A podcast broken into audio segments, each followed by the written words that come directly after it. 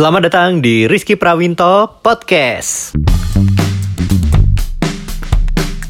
Halo teman-teman, balik lagi di video gue. Eh, kali ini gue pengen cerita eh, pengalaman ya eh, tentang migrasi uh, isimnya Indosat di tahap awal ini. Jadi mungkin pada tang minggu lalu itu Indosat gue baca di berita dia udah meluncurkan eSIM ya. Jadi operator kedua di Indonesia meluncurkan eSIM setelah Smartfriend. Nah, itu historinya pertama gue tanggal 24 Desember. Itu gue ke gerai Indosat yang di kota Kasablanka udah ke sana tuh hari Sabtu kalau salah tuh 24 ternyata setelah antri dicek nomornya itu nggak bisa. Katanya cuman buat nasabah prioritas. Nah gue tanya tuh kapan bisanya?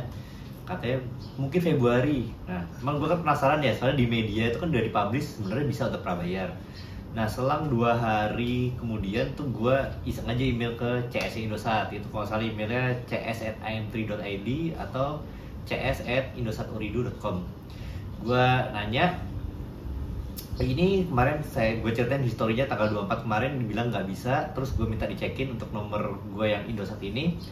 Di kota asal Bangka udah bisa belum? Nah akhirnya dua hari kemudian dibalas sama uh, Indosat uh, via email itu kalau misalnya nomor gue ini bisa gitu untuk migrasi ke eSIM. Nah akhirnya tanggal 30 Desember, Desember itu gue ke sana lagi ke gerai Indosat yang di kota Kasablanka karena sebelumnya gue udah dikonfirmasi ya di email bahwa nomor gue di gerai kota Kasablanka itu udah bisa gitu. sana itu makan waktu cukup lama sih sebenarnya sekitar 15 menit.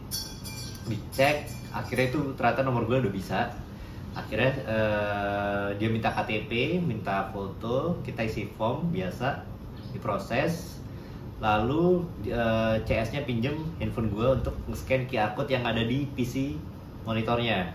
Nah, setelah sinkron semua sudah aktif, itu uh, SIM card fisik langsung mati. Jadi pindah ke eSIM langsung. Itu gue di sana nggak tahu kenapa, nggak ngerti sih gue mungkin salah nggak uh, denger atau gimana. Itu memang dikenakan biaya 25 ribu. Jadi buat teman-teman sana sediain uang cash aja.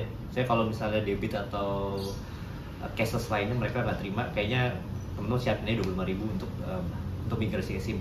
Nah, uniknya nih setelah uh, nah gini uh, CS itu menjanjikan kalau misalnya QR code yang ada di komputernya itu nanti juga akan di-emailkan ke email pribadi gue. Itu jadi kalau misalnya kita mati mau ganti handphone atau segala macam itu kita harus simpan QR code yang di-email ke gue. Cuman sampai hari ini sih di email gue belum ada QR code yang harusnya itu berisi data eSIM nomor gue itu baru gue WhatsApp uh, CS nya karena dia ngasih nomor terus baru gue email juga si CS yang di Grey Kota Kasablanka tadi Grey Doset di Kota Kasablanka sih bilangnya mau memproses ya ke tim eSIM nya ya. Kenapa gue belum terima uh, QR code yang buat gue simpen gitu.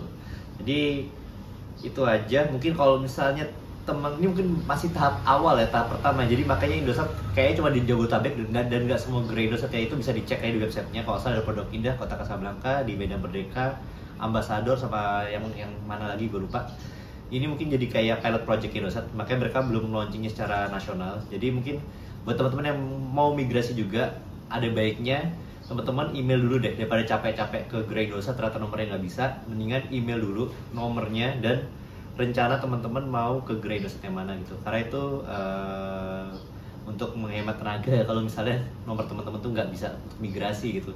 Cuman kalau teman-teman pengen beli eSIM-nya itu bisa langsung ke Indosat gitu tanpa migrasi. Kalau misalnya teman-teman mau, mau coba layanan eSIM Indosat itu aja. Jadi mungkin buat Indosat uh, kalau misalnya uh, infrastrukturnya belum terlalu siap mungkin jangan di launching dulu dirapi dulu. Karena agak krusial juga kalau misalnya nih gue nggak dapet uh, QR code sampai sekarang. Kalau misalnya saat gue mau pindah handphone mungkin agak rumit buat gue karena gue nggak megang QR code sama sekali untuk isi nomor gue ini oke mungkin kalau teman-teman ada pertanyaan bisa mungkin gue bantu. Tapi kalau misalnya teman-teman bener-bener niat eSIM itu itu tadi.